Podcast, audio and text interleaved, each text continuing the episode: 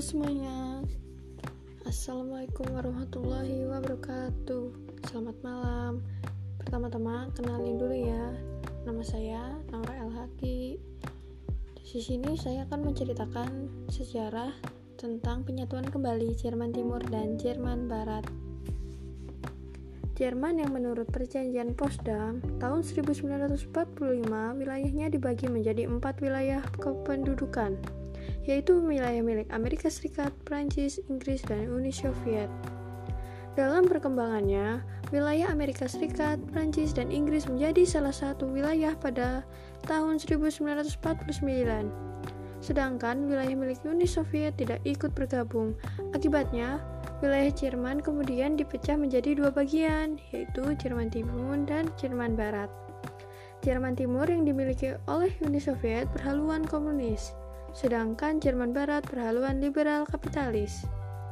Pemecahan wilayah tersebut semakin jelas saat dibangunnya tembok Berlin pada tanggal 13 Agustus tahun 1961. Tembok Berlin adalah simbol terjadinya perang dingin di Jerman karena perbedaan ideologi tersebut. Dampak dari adanya tembok Berlin yang paling dirasakan adalah larangan berkunjung di antara dua negara tersebut. Wah, gimana ya? Pemerintah Jerman Timur melarang warganya untuk migrasi ke Jerman Barat. Begitu juga pemerintah Jerman Barat melarang warganya pindah ke Jerman Timur. Ketegangan ini mulai reda saat pemimpin Jerman Timur, Willy Stopp, melakukan kunjungan politik pertama tahun 1969 yang berdampak cukup baik bagi hubungan kedua negara. Tahun 1972 ditandatangani perjanjian kerjasama ekonomi, politik, dan kebudayaan walaupun penduduk kedua negara masih belum bisa untuk saling berkunjung.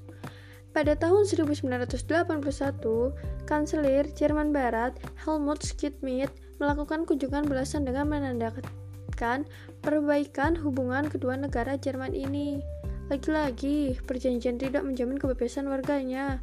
Meski pelarangan migrasi masih berlaku, kenyataannya ada sekitar 35.000 warga Jerman Timur yang menjadi imigran gelap di Jerman Barat. Penyatuan kembali Jerman Barat atau reunifikasi Jerman berlangsung pada tanggal 3 Oktober 1990 ketika mantan daerah Republik Demokratis Jerman Timur digabungkan dalam Republik Federal Jerman Barat. Papan peringatan yang dituliskan Jerman dan Eropa dibagi di sini hingga 10 Desember 1989 pukul 10 lewat 15 pagi. Selepas pemilihan umum bebas pertama Jerman Timur pada tanggal 18 Maret tahun 1990, rundingan di antara Jerman Timur dan Jerman Barat selesai dalam satu kesatuan perjanjian.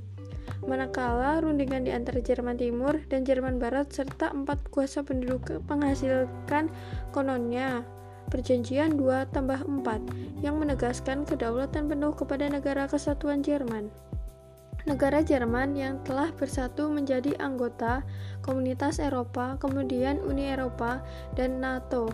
Istilah penyatuan kembali digunakan berbeda dengan persatuan awal negara Jerman pada tahun 1871. Walaupun biasanya disebut dengan istilah penyatuan kembali, ia sebenarnya suatu penyatuan bagi negeri Jerman kepada satu entitas yang lebih besar yang tidak pernah ada sebelum ini. Lihat sejarah Jerman.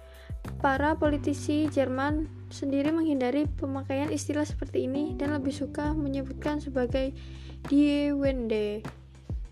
Oh iya, ada yang kurang nih kayaknya.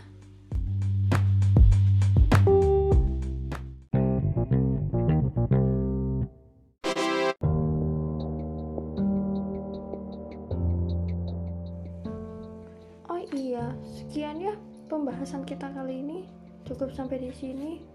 Soalnya udah malam juga nih. Ya kurang lebihnya mau maaf ya soalnya saya masih amatiran sih. Dan saya ucapkan terima kasih yang sudah mendengarkan. Podcast ini dipersembahkan untuk guru sejarah peminatan saya Budia Setiorini terima kasih. Assalamualaikum warahmatullahi wabarakatuh